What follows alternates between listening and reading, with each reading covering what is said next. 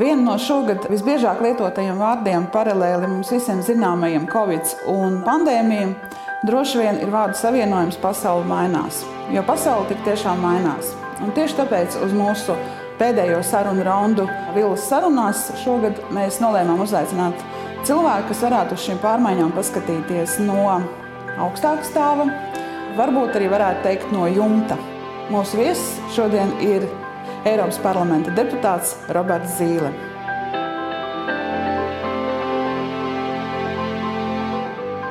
Sakiet, jūsu uzvārds ir no putna zīles vai no ozola zīles? Es atceros, es atradu kādu nu, jau daudz gadus atpakaļ vecā tēva tādus dokumentus, kurā bija uzrakstīts, es neatceros, kā tur bija sīlis, un tad bija iekavās zīle vai otrādi. Tā kā kaut kā no sīlis tas kļuva par zīli kaut kādos laikos, un, un, un uh, juku laikos droši vien tas iznāca visādos karu gados, un tā kā drīzāk kā no putna. Gads tuvojas finišam, traks gads, grūts gads, sarežģīts gads. Gads, par kuru pat var teikt, ka vēl pat dažas nedēļas līdz gada beigām arī nevar teikt, ka viss jau ir skaidrs. Ir tik dinamiskas tās pārmaiņas. Ko jūs sakāt par vārdu savienojumu pasauli mainās? Tā vienmēr ir mainījusies. Kas ir tik ļoti atšķirīgs šobrīd šajās pārmaiņās? Nu, ja mēs neskatāmies tādu īstermiņa skatu, ko jūs tikko pieminējāt par gadu, kas ir ass gads, gada nobeigums, ir īpaši, ja mēs domājam par ģeopolitiskiem iespējamiem konfliktiem, un kas var neapšaubām visi jau viņi ietekmē arī mūsu latviešus tepat Latvijā. Bet, eh, ja tā skatās tā, tādā ilgākā termiņā, tad skaidrs, ka pasaule mainās ātrāk. Tas nav tikai tāpēc, ka jūs kļūstat vecāks, un tad, kad jūs kļūstat vecāks, tad pasaule liekas, ka mainās ātrāk. Nevis tad, kad jūs tāds esat pavisam maziņš, kad tas viss notiek lēnāk. Es domāju, ka katrs to zina.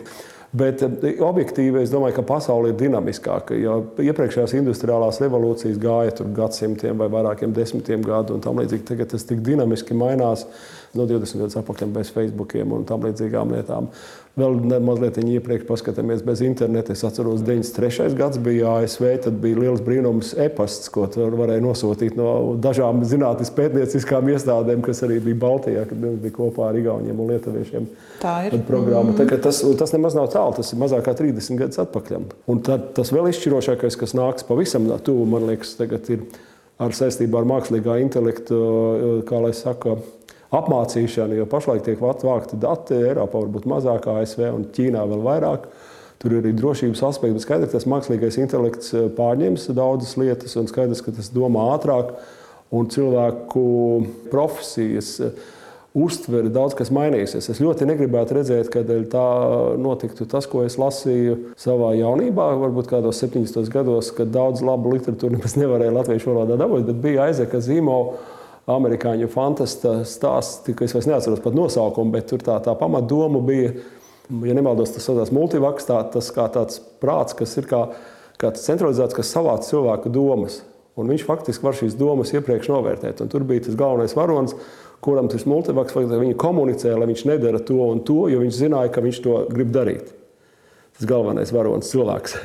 Ja mēs šodien paskatāmies šodien, tad īstenībā jau tas lielā mērā notiek no datu savākšanas faktiski var teiksim, NATO ekscelences centrs, kuru vada Jānis Sārts, tepat Rīgā, kurām ir ļoti interesanti. Es domāju, šie izteikumi faktiski no datu un viņu pieredzes no profesionālā darba ir tāda, ka jūs faktiski no datu savākšanas ietekmējat cilvēkus, zinot, kādas ir viņu vājības, tas jau faktiski tuvu, tuvu tam, par ko es runāju, kas var izmantojot šo mākslīgo intelektu un datus par šo cilvēku, jūs faktiski viņu varat ietekmēt uz nākotnes darbību.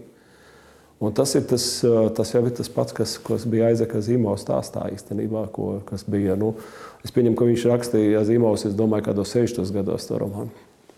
Bet kas ir tie, kas gribētu ietekmēt? Es domāju, ka to daudz gribētu uzdot šo jautājumu. Nu, tur ir gan biznesa daļa, gan arī ģeopolitiska daļa. Un skaidrs, ka, ka tas nav noslēpums. Eiropa atpaliek no, no ASV un atpaliek vēl vairāk no Ķīnas.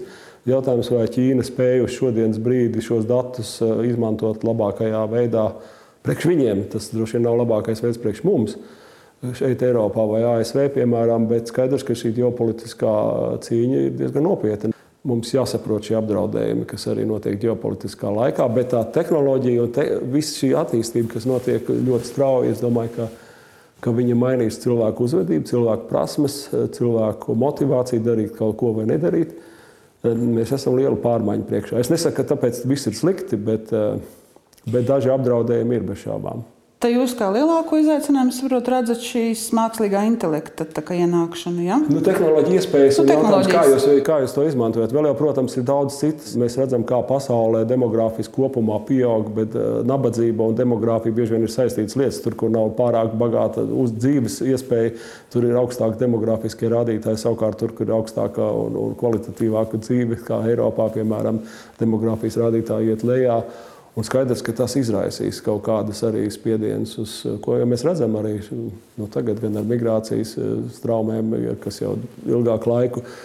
Tas, ko paredz ar klimatu maiņām, arī attiecībā par ūdens trūkumu vai klimatu karstumu un tam līdzīgi. Ja tas tiešām tā būs, tas nozīmēs to, ka eh, šis spiediens no demografiski tā, augošākām vietām, uz tām, kuras ir turīgākas un, un demogrāfiski mazākas, tur būs šis spiediens. Tur ir vairākas sistēmas, bet es domāju, ka tas izšķirošais ir, kā attīstīsies un vai pasaule spēs neļaut izmantot eh, pret cilvēku. Eh, nu, man nav ilūzija, ka skaidrs, ka pret cilvēkiem izmanto šīs jaunās tehnoloģijas. Tāpat, ko mēs redzam arī kara darbības gadījumos, kad faktiski nogalina drons vai kaut kā citādi, ja tas ir nepieciešams augstā, augstā tehnoloģija ziņā, bet, bet vismaz lielos vilcienos nemēģinās pārdalīt pasauli vai uzmākt ar savu, savu civilizācijas pieeju kādu citu pasaules daļu, izmantojot šīs tehnoloģijas. Tas ir tas, ko vajadzētu optimistiskā ziņā cerēt, ka saprāts uzvarēs. Cilvēks saprāts. Nevis, kā, nevis mākslīgā intelekta saprāts. Nu, labi, tad mēs ieskicējam mākslīgais intelekts, migrāciju saistībā ar demogrāfiju, nabadzību un uh, klimata izmaiņām. Trešais, kas vēl varētu būt? Tas, ko mēs tādā īsākā termiņā, ko mēs pieredzam pašlaik, tā ir tāda ģeopolitiskā cīkstēšanās, kas nebija visu laiku jau bija arī, kā arī bija pagājušā gadsimtā. Mēs labi zinām divus pasaules karus un situāciju pēc tam, bet uh, pašlaik ir, nu, man, man šķiet, ka ir tas, ka Pie varas pašreiz vairums šajos attīstīto valstu vidū ir vadītāji, kuri īsti nav pieredzējuši karu. Ja arī ir pieredzējuši karu, kad viņi pavisam maziņi bija Otro pasaules karu, es domāju. Un tas nozīmē, ka jūs ne, nevairs nevērtējat, un arī visa pārējā tā politiskā elite un arī sabiedrība pati jau lielā mērā to aizmirst, cik tas ir briesmīgi un slikti. Un parādās ambīcija kaut ko ietekmēt. Es nedomāju, ka iet atkal kā uz tādu, es negribu baidīt sabiedrību ar to, ka gribu iet tā kā tas tā brutāli, bet skaidrs, ka šīs, nu, šīs ietekmes zonas un daudz kas tagad šiem ģeopolitiskajiem ambiciozajiem līderiem, tas pats Putins attiecībā pret to, ka viņš vēlās veidot būtībā jautu divi Tāda paša kā bija 45. gada konference, kur rietumu ar, ar, ar Krieviju sadalīja Padomu Savienību tajā laikā. Sadalīja pasaules ietekmes zonas, tagad vēl parādās Ķīnas, protams, ambīcijas, un, un Indija, es domāju, aug arī ir savas, savas intereses. Un ka, ka šīs sabiedrības, ka šīs var, var, šī pasaules kārtība var mainīties, ņemot vērā no šīm ambīcijām un iespējām. Jo skaidrs, ka šo līderu rokās ir iespējas gan militāras, gan tehnoloģiskas, gan informatīvas, kā mēs zinām, kas arī tiek pateicoties tehnoloģiju attīstībai. Tā kā, nu, es domāju, ka tās ir lielas bažas, bet lielā mērā ir tas, ka jūs pieļaujat kā līderis, šo lielu valstu līderis, ka jūs varat kādu uzvarēt. Vai ka jūs varat uzspiest kādai citai tautai vai kādai citai valstī savu, savu vēlmi. Un tas nav labi. Nu, kur Eiropa šajā visā stipri sarežģītajā stāstā? Ne, no Eiropa, es nes, neslēpu, es arī pavisam nesen vienā rakstā minēja, ka, ja tā es pavērtējot, ka Eiropai nav vairs palikuši šo globālo līderu karogu. Oh, ja? Pēdējie karogi bija, es atceros, bija Lisabonas stratēģija 2000, kuro tur gadu. Tad, tad likās, ka mēs būsim galvenie informāciju tehnoloģiju attīstībā, vispār pētniecībā un attīstībā, zinātnē. Būsim globālajie līderi, bet nu, paiet 15, 20 gadi, jūs redzat, ka jūs tur neesat. Tagad ir palicis šis karoks, kas ir redzamākais. Mēs esam līderi cīņā par klimatu. Tas ir mūsu... Mums iet, nu, nezinu, teiksim, ja mēs paskatāmies tikko Glasgowā notikušajā tajā COP 26, tad lielākā uzmanība bija pievērsta Ķīnai, Indijai, vai viņi tur vienosies uz 2017. gadu tur, savus CO2 izmešu vai citu siltumgāžu izmešu lēmumus. Uz amerikāņiem daļai varbūt uz Eiropu, bet Eiropa tur nebija izšķirošais spēlētājs, jo ņemot vērā mūsu piesārņojuma līmeni, jau tagad tas, tas negroza kopējo globālo izmaiņu. Tas, ka mēs gribam politiski būt līderi, tas varbūt ir, ir labi, bet cilvēki tam netic. Eiropai nav tik daudz naudas, lai teiksim, apmierinātu nabadzīgāko un, piemēram, Indijas prasības pēc to, ka skaidrs, ka viņiem ir grūtāk noķert eh, to attīstības līmeni, ko viņi vēlās redzēt, gan ar savu pašreizējo teiksim, turības līmeni, gan ar eh, milzīgo augošo demografisko līkni. Ir skaidrs, ka viņi vairāk piesārņos, un, un viņi prasa īstenībā par šo zināmas kompensācijas, un vēl mazāk attīstītas valsts kā Indija vēl vairāk vēlās šo, un tas ir cīņa par naudu. Un Eiropa tur nav izšķirošais. Eiropai bieži vien patīk samaksāt par kaut ko. Tā kā Turcija par 2015. gada migrantu krīzi, lai, lai neiet pāri vairs jūrai uz Grieķijas robežu salām, tad, tad kaut ko samaksā, bet, bet skaidrs, ka, ka tas nav tas, kas izšķir. Es domāju, ka arī šis karoks nav tāds īsti ticams globālajā līmenī. Kas notika? Kurā brīdī tas karoks neteiksim, izkrita no rokām. Bet... Tur, man liekas, ir gan objektīvi, gan subjektīvi faktori, kāpēc viņš izkrita. Nu, droši objektīvi var... bija tas, ka mēs vienkārši Eiropa kļūst vecāka, viņa noveco demogrāfiski tīri. Un arī mazliet Rietumē Eiropā ir īpaši, jūs redzat, nu, tur ir labklājība. Jā. Tā kā īsti vairs negrib vairāk cilvēku vairākās profesijās strādāt, tad nāca austrumu eiropieši uz rietumu eiropiešiem. Britu gadījumā mēs redzam, kas notiek, kad viņi vairs nestrādā tur. Tad vesela virkne profesijas jums vispār nav kas aizpilda un tam līdzīgi. Tas ir bija tas objektīvais faktors, ka Eiropa mazliet tā relaksējās, kļūst eh, ar tādu uh, patīkamu vietu, kur aizbraukt, kur kā turisma vieta, un, un tam līdzīgi arī daudziem, kam ir naudas un līdzekļi, patīkami dzīvot. Bet uh, viņa vairs nav dinamiska. Tas, tas tā ir tā objektīvā daļa, kas, manuprāt, lielā mērā izriet no, no tradīcijām, dzīvesveida, vēsturiskās apziņas un, protams, no, uh, no šī demografiskā faktora. Tie subjektīvā lieta ir tas, ka, lai arī Eiropā vienmēr min par šo te, ka mēs tādu, arī īpaši tie, kas vēlās šo savienoto federālo Eiropu redzēt, viņi vēlās, lai nu, mēs tā kopīgi lemtu, bet īstenībā tā vēlme jau ir tāda, ka uh, jūs jau iegūstat varu Eiropā caur savas valsts vēlēšanām. Latvijas vēlēšanas varbūt pat nav tās izšķirošās, ņemot vērā Latvijas lielumu. Bet Francijā vai Vācijā, ko mēs arī tādā redzam, tas ir izšķiroši. Jūs aizsardzaties bieži vien ar, ar Eiropas interesēm, bet īstenībā jūs cīnāties par savu vēlētāju, franču vēlētāju, piemēram, vācu vēlētāju. Un, ja viņš uz šī uzķerās tādā labā nozīmē, te, tad jūs iegūstat uz zināmu laiku varu, un, un tas arī dod jums varu Eiropā. Es domāju, ka tur pat Eiropa ar šīm attiecībām faktiski parādīja, ka tie Eiropas karogi tā īsti nestrādā, jo nacionālās intereses ir, ir prevalē. Nu, piemēram, Nord Stream 2, tas gāzes vads, kas ir skaidrs Vācijas, tas nav izdevīgi ne Eiropai kā kopumā, ne, ne, ne, ne Baltijai, protams, ne Polijai, ne Ukrainai, kur nu vēl nav arī daudziem citiem. Un Frančiem savukārt interesē turpināt atomelektrostaciju, enerģētikas. Enerģētika būs pieauguši pieprasījums, par to nav šaubu. To mēs redzam šodien. To mēs redzam. Bet, tas arī būs nākotnē, pārējot uz šo klimatu kursu. Un līdz ar to cīņa par enerģētikas nākotni ir ļoti liela Eiropā. Un, un, teiksim, Francijas un Vācijas intereses, ja, ja Vācija orientējās uz gāzi, un no tā varbūt ražotā ūdeņrada un tam līdzīgām uh, pozīcijām, tad Francija nepārprotami vēlās turpināt attīstīt atomenerģētiku, kas viņai jau tā ir ļoti liela daļa. Un tur ir tādas, tur ir brīžam ir tāda saspēle, brīžam ir intereses cīņas un tam līdzīgi. Un tas, diemžēl, man liekas, pazudina to Eiropas kopējo domu, jo es esmu saskatījies pa šiem gadiem Eiropas parlamentā nu jau daudzus gadus. Tā, es, es dzirdu vairāk pieminām Eiropas vērtības, es mēģinu uzreiz saprast, kāpēc viņi to runā. Jo tā, kad es saku, bieži vien Eiropas vērtības jūs par to īstenībā nedomājat. Tas, kas to runā, viņš domā par kaut ko citu, viņš vienkārši izmanto šo lozungu, kas izklausās tās pirmā acu uzmetienā, oh, nu, jā, ja nu ir Eiropas vērtības, nu, tad mēs arī varētu tam piekrist. Bet, sakot, ar Eiropas vērtībām var labi pārdot kaut ko. ļoti bieži, jo es nesaku, ka simtprocentīgi gadījumos, bet ļoti bieži tas tiek izmantots kā, kā lieta, kas īstenībā nav nekāda sakara ar Eiropas vērtībām. Nu, labi, bet te ļoti īsti tagad Eiropas nākotne. Nu, ļoti fant fantāzijas līmenī. Viens sliktais scenārijs, viens labais. Kas notiek? Eiropā? Jep.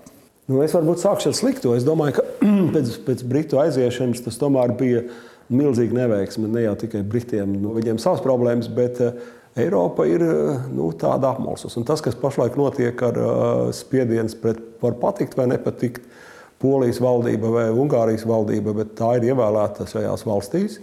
Un tas ir vairākuma sabiedrības viedoklis par šo, kuru vēlās. Un nevar poļiem uzspiest, tā ir katoliska nācija, nevar uzspiest visas lietas, kas varbūt tās patīk Nīderlandē vai Francijai vai kādai citai valstī. Un viņi ir dažādi, un tā dažādība Eiropā ir svarīga. Ja, ja būs situācija, ka šīs, šīs valstis, šos valdības spiedīs, tad spiediens ir arī uz valsti. Jo tas pilsonis, kas ir ievēlējis polijas valdē, viņš tomēr jūtās, nu kā, nu, man tāds Briselē saka, ka es ievēlēju nepareizu valdību nepareizu parlamentu, kurš apstiprināja nepareizu valdību. Un tas, tas rada spiedienu, ka, ja Eiropa vēl sāks stumt kādu valstu ārā vai arī nemēģinās viņu noturēt, tad jau viņi paliek vēl nenozīmīgāki un vēl vājāki.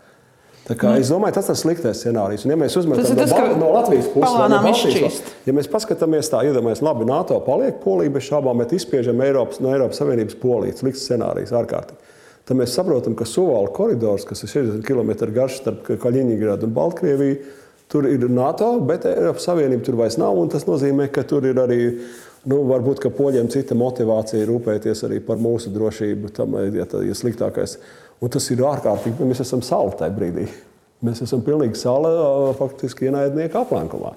Nu, tas ir sliktais scenārijs, bet es ceru, ka saprāts Eiropā uzvarēs. Un, Labais scenārijs būtu, kad um, Eiropas Savienība saprastu savu lielumu, savas ambīcijas, viņas nu, nepārspīlēt globālajā līmenī un saprast to, ka Eiropa ir dažāda.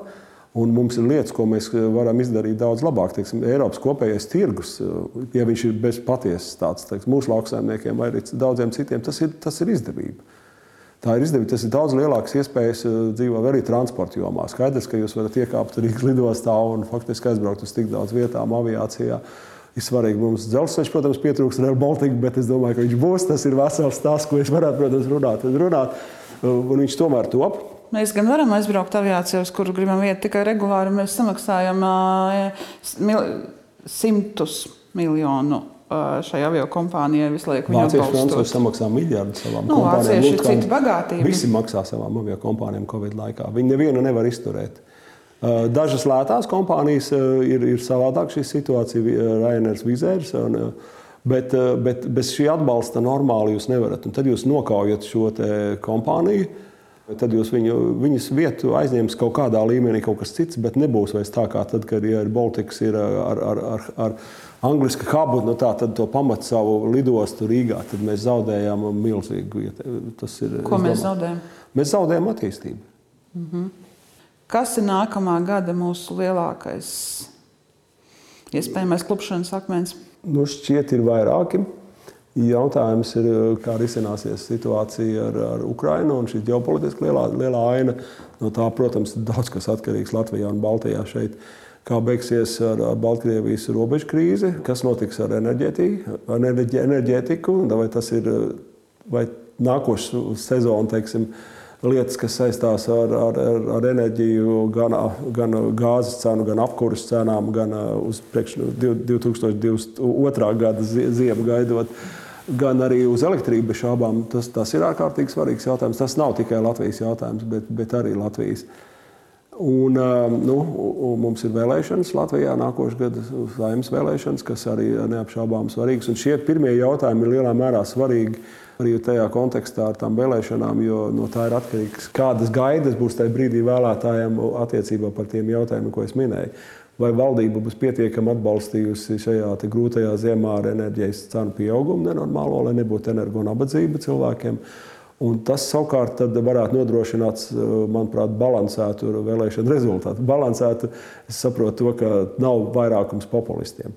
Jo pretējā gadījumā tā bīstamība ir vēl lielāka, un tad jūs aizejat eh, pavisam nezināmā trajektorijā pēc nākošā gada oktobra saimnes vēlēšanām. Mēs pie Latvijas atgriezīsimies, bet es eh, vienu tādu naivu jautājumu gribētu uzdot. Es jums jautātu, kurš šobrīd pasaulē ir ietekmīgākais cilvēks? Ko jūs teiktu?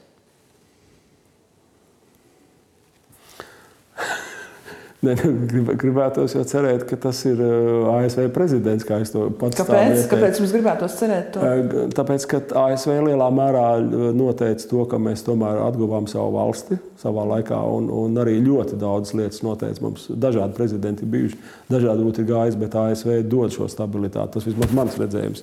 Es neuzspiežu, ja citiem ir cits. Bet, bet man ir šaubas par to, vai tas tā ir. Arī iepriekšējā ASV prezidenta laikā, Trumpa. Tas tagad... prezidenta personības dēļ tieši vai? Nē, vai tiešām jau... kaut, kaut kas mainās. Vienkārši man liekas, ka globāli mainās.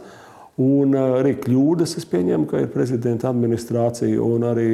Nu, Es nezinu, kā tagad Baidenā šīs nedēļas teiksim, viņa mm, komunikācija ar Putinu un pēc tam daži izteikumi, ka vajadzētu tādu, nu, var saukt to par mazo, mazo jautu divi, kurā viņš saka, ka mēs apspriedīsim ar lielākām NATO dalību valstīm. Nu, mēs varam rēķināt, kuras tās ir. Droši vien Lielbritānija, Francija, Vācija, varbūt vēl kāda.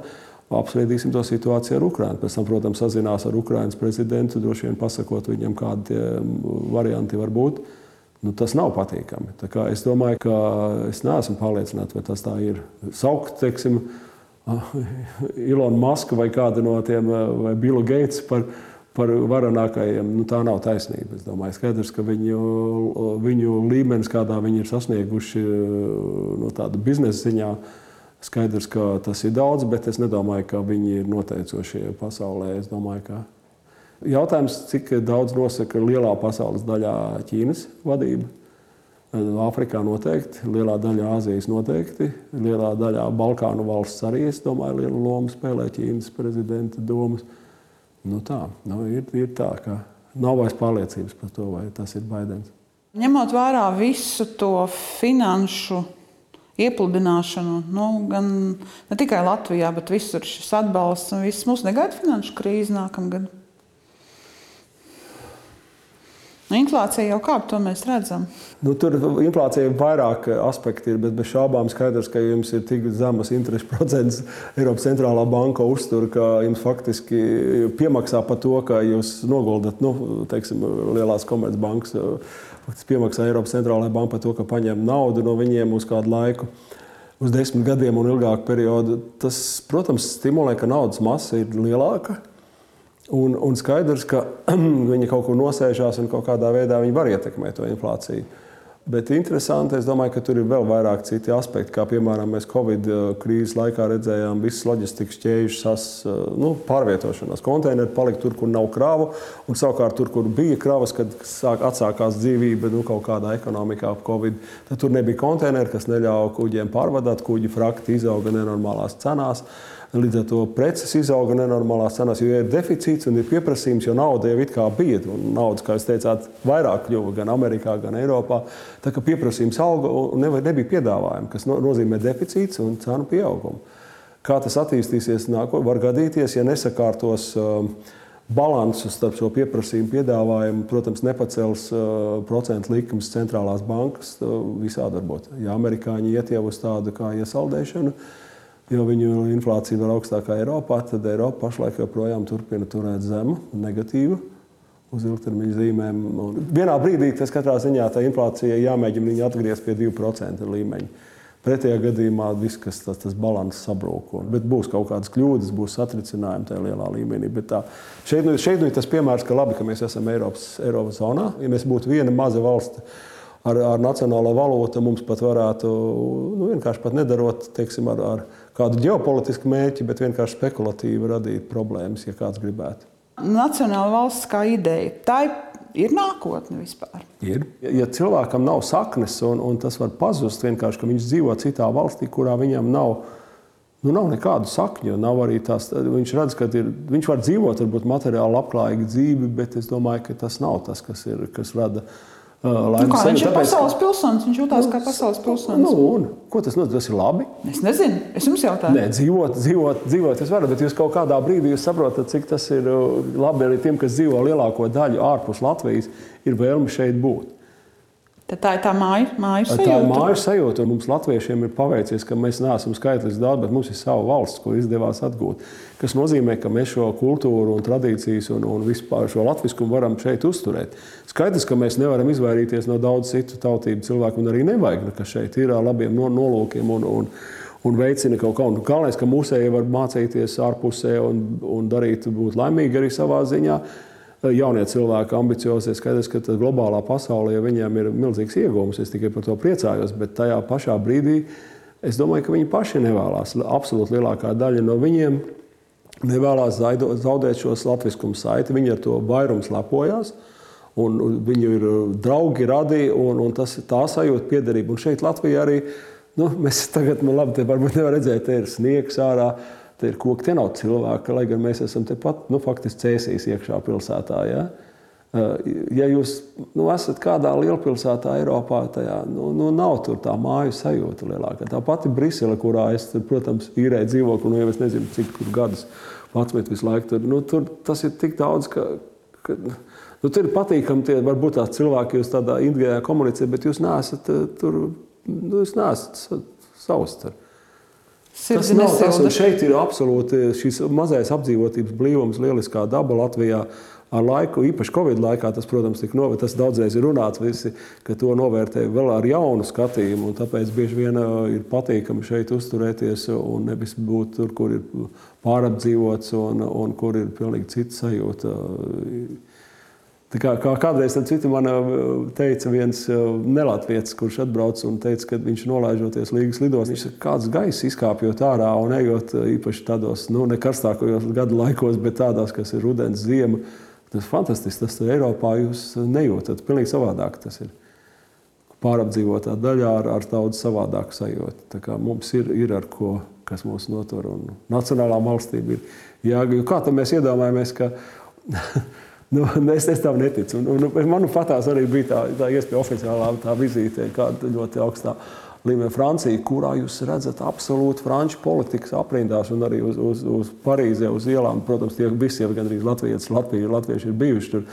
Un, un redz, ka šis franciskums ir izteikts. Franči teica, ka politiskā līmenī ka tagad, īpaši pēc Brexit, mums, jāpiln, mums jā, jāsaka vairāk Francijas, franču valodā. Viss jāsaka, ja Eiropā arī Eiropā vairāk franču valodas. Strasbūra noteikti ir pilntiesīga Eiropas parlamenta sēdvieta. Jums jābrauc uz turieni klātienē, tik līdz Covid tur ir nu, faktiski ierobežots. Un tad, tad faktiski Francija parāda ar šo savu so, so frankofonijas attieksmi, ka viņi absolūti redz Franciju kā nacionālu valsts. Eiropas politikā, kā es varu teikt, ka Makrons, protams, ļoti skatās vai viņš var patikt franču zemniekiem, franču industrijai, franču arī, varētu teikt, sociāli neaizsargātiem cilvēkiem. Tas viņu interesē. Tā, ja, mēs iedomājamies, ka, ka viņam būtu viena alga Francijā, ka viņš varētu teikt, ah, jūs varat izklīst pa visu Eiropu, kur jūs gribat. Sajauksimies kopā ar, ar, ar visām nācijām un nedomāsim, ka šī ir Francija, ka te viss ir Eiropa. Šis ir viens Eiropas reģions. Tas, tas nav iespējams. Un paldies Dievam, ka tas nav iespējams. Un mums, Latviešiem, lai arī ne, ne Francijas apmērā un ar tādu vēsturi, bet arī tam pašai sajūtai jābūt. Ja mēs to pazaudējam, tad nu, kam? Kas? Jo, ja Latvijas zemē nomainītos uh, vissliktākais scenārijs, ja mēs iedomājamies, ka tev vairs ir ļoti maz latviešu, vai viņi vairs nemēģina uzturēt savu kultūru, valodu un tradīcijas, kas, kas, kas no tā? Kas te, kas te ir? Cik lielā mērā jūs uzskatāt sevi par konservatīvu cilvēku? Es neesmu pats konservatīvākais savā partijā. Noteikti,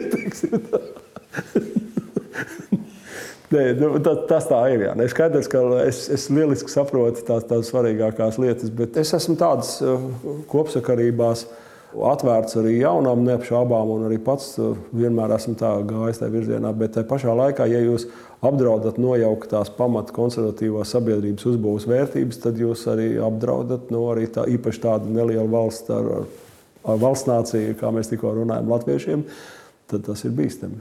Es domāju, ka reliģija arī tur liela nozīme arī šīm kristīgai ticībai, kas ir gājusi. Mums ir dažādi, protams, ir katoļi un ir, ir Lutera ticība, kas gāja ļoti dažādas ceļus un diezgan sāpīgas, kā mēs zinām, viduslaikos.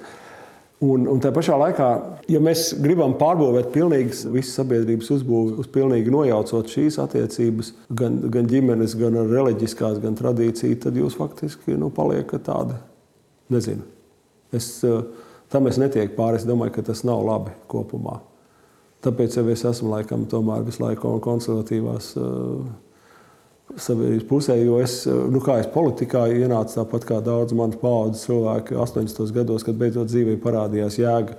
Tā jēga pamatā bija tikt vaļā no padomju okupācijas un atjaunot savu valsts. Tas bija tas, kas pacēla un kam, kam, kam bija jēga dzīvē un kāpēc to darīt. Tad, tas nebija konservatīvs nekāds, tas bija vienkārši nu, atgūt, atgūt neatkarību. Tad, protams, tā politiskā struktūra veidojās 90. gados. Un, nu, skaidrs, ka tas nacionālais bieži vien nozīmē arī to konservatīvo. Tajā laikā, 90. gados, kad mums bija atkal. Nu, mums bija daudz kas jāizveido, lai latviešu valoda vispār nepazustu. Jo 80. gados es strādāju, piemēram, tādā agrārās ekonomikas institūtā, kurā visi tie arī vecākā gada gājuma pētnieki bija bija latvieši, bet viņi vairs nevarēja sarunāties par pētnieciskām valodām, latviešu valodā. Viņi runāja krievu valodā. Mēs bijām tuvu pārkrievošanai. Man tā pirmā doktora disertācija, ko es izmetu miskastē, arī tapa krievu valodā. Faktiski tāpēc, ka tāds bija prasības tajā laikā, un man vienkārši tam, tam, tam, tas noslaucīja visu tā atmodas laiku un tās iespējas, kas mums tad parādījās ar, ar šīs trakuma nojaukšanu. Tāpēc es nevaru teikt, ka es tā kaut kā apzināti konservatīvismu nokļuvu tur, kur es visu laiku gāju ar šo vienu, vienu partijas izaugsmu, kas bija pirms tēvzemes brīvība, bija arī 18. novembra savienība ar Māri Grīnbatu vadībā un tam līdzīgi. Es, es vienmēr esmu tā gājis. Tas, nacionālais sauga Latvijas politikā lielā mērā ar konservatīvo. Nu, tā arī tas, tā, tas ir palicis. Bet es, es nevaru teikt, ka man galvenais dzinulis ir politikā bija izveidot Latvijas sabiedrību pēc iespējas konservatīvu. Tā es nevaru teikt, pēc iespējas neatkarīgu un paš, pa, pašlepno atgūt latviešu visas šīs uh, kultūras un valodas jautājumus. Tas bija svarīgi. Un, protams, tautsēmniecība. Bet es tieši gribēju jautāt, jūs diezgan agri īstenībā iesaistījāties neatkarības kustībā kustībai. Ja saprotu, nu, gados, jā, nu, jā, jā, bet ne, ne tad, kad jau visi gāja ar uh, karogiem tautas fronts demonstrācijās. Man liekas, ka jau ātrāk. Nu, es biju ātrāk, jo es arī sāku rakstīt uh, BLNK avīzi neatkarība, nacionālā nu, Jūs arī pilsoņu kongresā, pilsoņu kongresā es biju Latvijas komitejā. Bija drusku radikālis, ja es pareizi saprotu. Jā, jā, jā, tā kā, tā kā mums tur bet bija ar augstāko padomu domstarpības tajā laikā. Bet jūs, pirmkārt, tas ķengaraga puika, es saprotu. Jā Un, un, ja es arī pareizi saprotu, tad pat no, arī no jauktas ģimenes, kuriem ir tik, tik, tik nacionāls tas feelings bija. Es uzaugu faktiski Maskavas Forštatē, kad vēl ne ķēngraks nebija īsti uzbūvēts pirmos sešus vai septiņus gadus. Tad nojauca mums to māju uz Maskavas ielas un tad iedeva dzīvokli tur ķēngragā vēl dziļāk. Tur tā situācija bija tāda, ka eh, bija tādas nu, mājas, mēs spēlējām futbolu puikas. Tad mums bija knapi sanāca, kad 6, 7 latvieši par tādām divām eh, piecstāvu mājām, kas, kas tur bija tajā pagalmā. Un krievi, krievi puiši sēdēja komandas, tur rezervē. Tur tā, tā vide bija tāda, ja gadījumā mums izdevās viņas, kas nebija viegli parasti, jo viņi bija daudz. daudz un, un tā, vinēt. Tad bija, tad bija nācis Nikrums ar visiem tiem izteikumiem, ko mēs piedzīvojām, ka vajadzēja just, kad ienāca iekšā 45. gadā darīt to un to. Un tas viss kaut kā jūs novad pie tā, ka jūs jau tajā pusē, jā, ģimene man bija jau māte, man ukrainiete bija, nu jau arī labu laiku mirusi. Un, uh, viņi iemācījās latviešu valodu. Faktiski es gan runāju bieži vien arī maziņš būdams abās valodās, gan krieviski, gan latvie, latviešu valodā. Viņai Kā jau bieži vien padomju savienībā, Ukrāņus diezgan daudz, kurus padarīja vecāks no mācības līnijas, bija faktiski VFā strādāja augsta līmeņa inženieris ar šīm tehniskām lietām, bet viņš arī palika vairāk tajā, tajā, tajā daļā. Viņš arī bija zināmā mērā represēts tajos laikos, kas bija 30. gada beigās, bet tomēr eh, latviešu valodu tā arī īsti neiemācījās.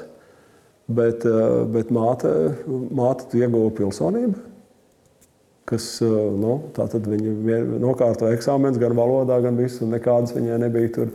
Tēva puse man vienmēr ir bijusi no kurzemes puses, no kuldīgas. Tā, tā, tā, tur gāja. Bet te jau jums ir puse ukrāņu asiņu. Tas, tas jau, kā mēdz teikt, kā ir. Nenodot tās asins, nepārbaudu, cik tur ir palikusi puse vai cik tur ir. Nē, es zinu, bet jums ir rādi arī Ukrānā. Jūs, jūs... Es ar viņiem neuzstāju. Ne, ne. Pēdējie kontakti bija, ka man bija varbūt kaut kā 13, 14 gadi, tad viņi brauca, es atceros uz Jormālu un tā kaut kādi radi tur bija. Es atceros, no puikas gadiem bija viens no vecāta brāļiem, dzīvoja Krimā. Tur bija tāda, man tā atmiņā palikusi, ka bija tiešām tāda ukrainiska. Tāda, es, nezinu, es, protams, tajā laikā tur neko daudz nesapratu, ka tur kaut kāds būtu politiski, bet bija tādi, nu, kā lai saka, tas, tas tā, tādā labā nozīmē tāds aristokrātisks tai ģimenei tāds piesitiens, kas, kas, kas bija tur gleznoja, teiksim, vecā tēva brālis. Man vēl kaut kādas bildes ir palikušas. Ir, kurš ir bijis, ja nezinu, kāpēc Japānā, es nezinu, man ir Fuji kalns, teiksim, glazna, ko viņš ir glaznojis un tā. Es arī atradu vecstāvu, viņš man arī ļoti aizrāvās. Man ir vēl filmas, ir 8 mm, kuras es tur maziņš esmu pavisam nu, skrājis. Man uzdūros arī vienai daļai, kurā man bija uzvilkts tāds Nu, es nezinu, es pirms skolas tas man bija uzrakstīts tāds, tāds, tāda ukrainiska ornamenti, tāds balts krāklis. Tas bija vasarā, viņš bija tāds, es nezinu, neatceros, kā viņš vanka viņas. Tā kā viņš ir vankas, jā, laikam, tā kā es tur visādi esmu bijis. Tā. Bet Ukraiņi, protams, vairāk cieta no tās padomu savienības nekā mentāli, es domāju, no kā, kā tautas, jo viņi ilgāk bija zem. Tagad cieši no Krievijas. Un tagad cieši no Krievijas, kas ir, es domāju, bet tās saknes tur tādas lielas. Tā Latvija, latvieši pa kādu paudzi mazāk paspēja to jūgu izturēt, tāpēc mēs esam labākās sajūtā.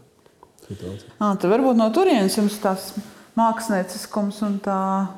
Jūs taču ziniet, ka jūs uzskatāt ja, par uh, vienu no lielākajiem dendiem politikā, spriežot pēc Ak, stila un, un pēc zīmola mīlestības, kura jūs nemaz neslēpjat.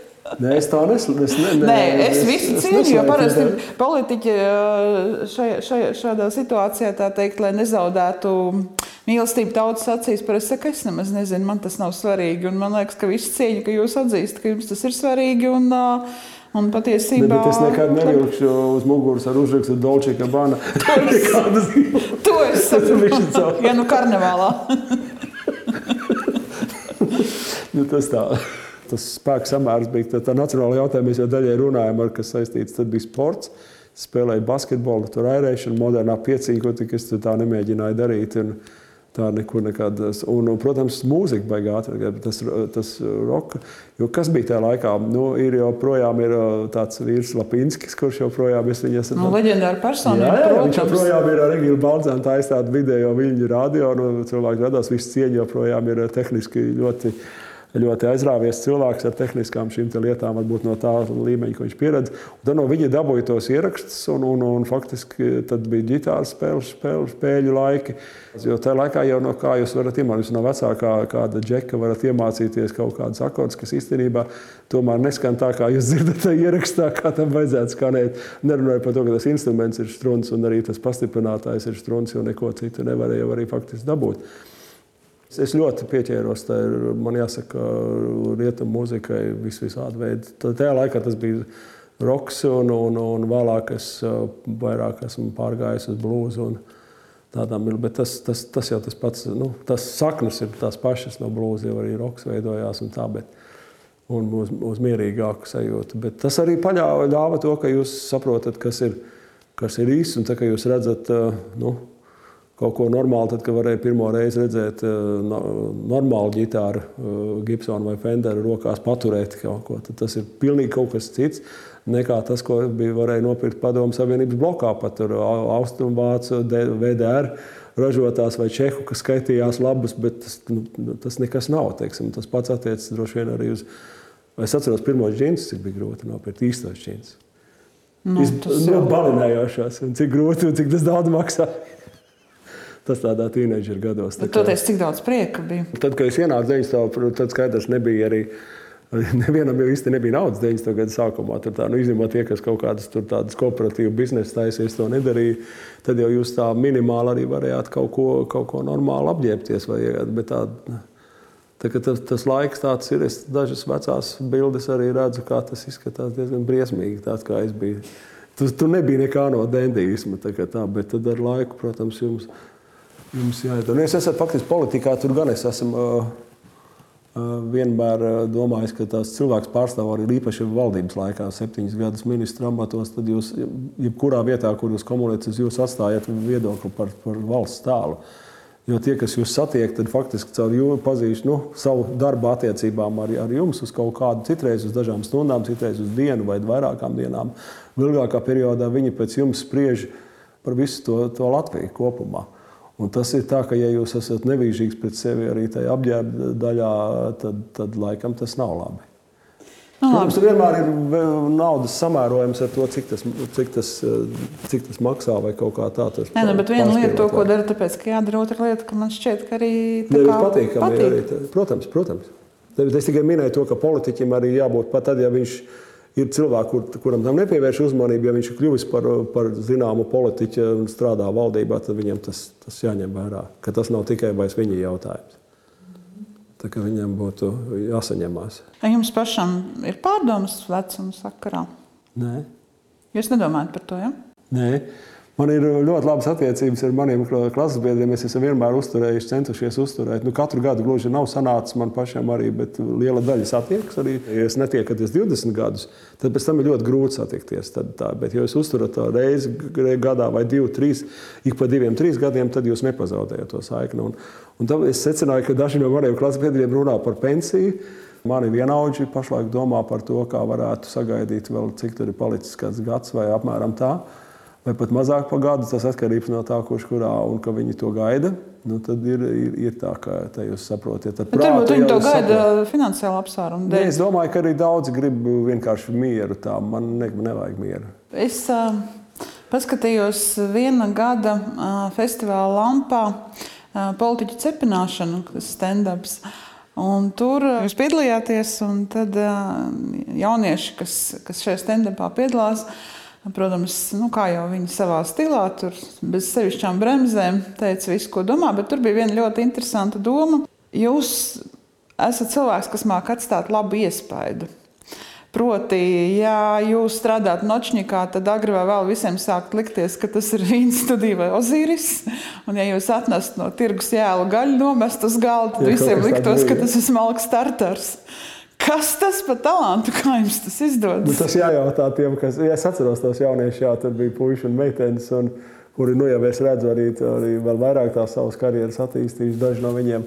Bet jūs pats sevī to jūtat, ka jūs mākat nu, atstāt Nezinu. labu iespēju? Nē, es cenšos atstāt labu iespēju. Es nāku ar, ar atvērtu un labvēlīgu principu arī politikā, kamēr nav noticis pretējais, kamēr man nav sajūta, ka es viļos tajā, tajā cilvēkā vai arī šo cilvēku grupā.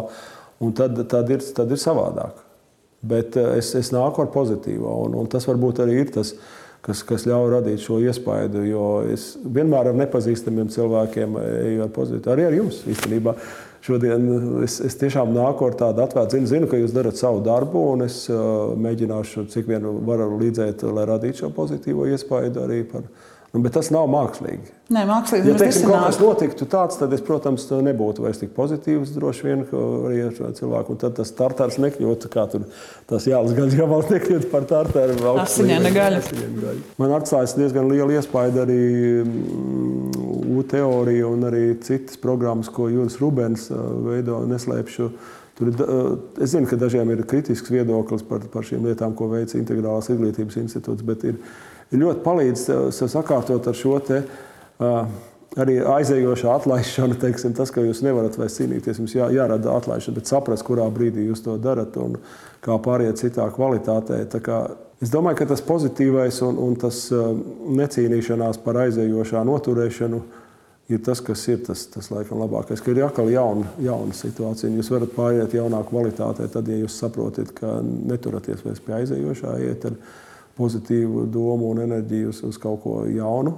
Protams, vienmēr vērtēt ar, ar, ar dzīves pieredzi, protams, nāk dažādi teiksim, risku novērtējumi, kurā jūs redzat pa labi, pa kreisi, ka tur ir zināmi apdraudējumi kaut kam. Bet, bet, ir, jā, bet es, es, es pieņemu, ka teiksim, cilvēkam, kas ir nežēlīgā konkurējošā biznesā, ka viņam ir jābūt arī ar citādām prasmēm. Bet man droši vien kā ir politikā, šis netraucē, bet palīdz šīs varbūt tās. Nu, es nesauktu par talantiem, bet kaut, kādu, kaut kādām prasmēm un, un, un arī par to, ko jūs varat iemācīties no cilvēkiem, kas jums, arī politiķiem, iemācīties no cilvēkiem, kas jums var dot šo iekšējo sapratni par to, kā dzīvē notiek no, no kustība un kā jūs eh, arī būdams savā darbā to varat eh, labi izmantot.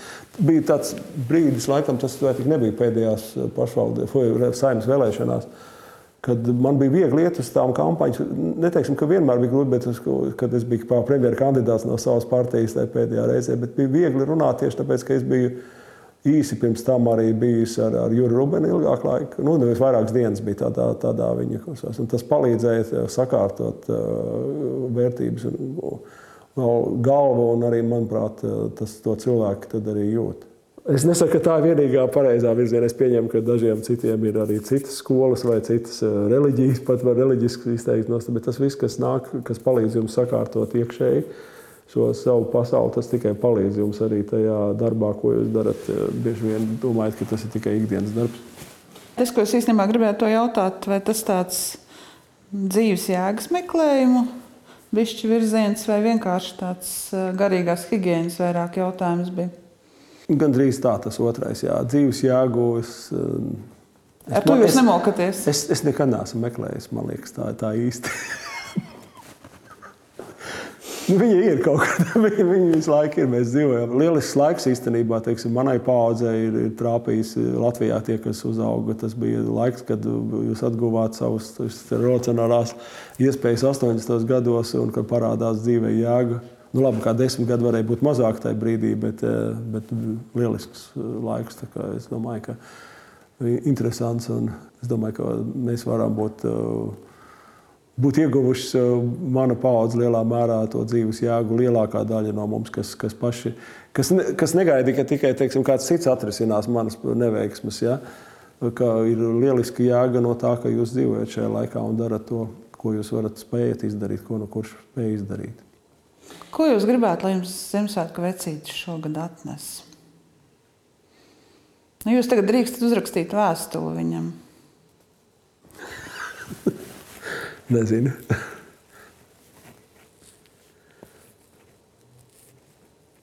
Jebko var būt. Jā, ja jebko, tad droši vien es, es labprāt gribētu vēl kādu ģitāru savā kolekcijā. ja tādā bērnības izpratnē. Ļoti, okay, ļoti okay. godīga vēlme. Es taisnu cerēju, jūs taču nepateiksiet mieru visai pasaulē. Trauksme, trauksme tāda, nu, nē, es jau domāju par fizisku dāvanu, ko parasti bērniem dod, ja jau jūs man prasījat tādā veidā. Tad, kad jums nebija naudas, tad jūs nevarat neko dabūt, un tad, kad jums tās iespējas parādās, tad jūs aizraujaties ar to jaunības laiku. Un arī tagadējā laika nu, hobiju tas ir interesanti. Un ar, ar jebkurā gadījumā mūzika ļauj nu, ļoti daudz ko iespējas. Es šur tur ik pa brīdim ar kādiem vēl saspēlēju, kaut ko ierakstam. Un arī tas gan mūsu, mūsu Briseles grupā, internacionālā izjūta, mēs te arī bildēs vairāk kārt spēlējām.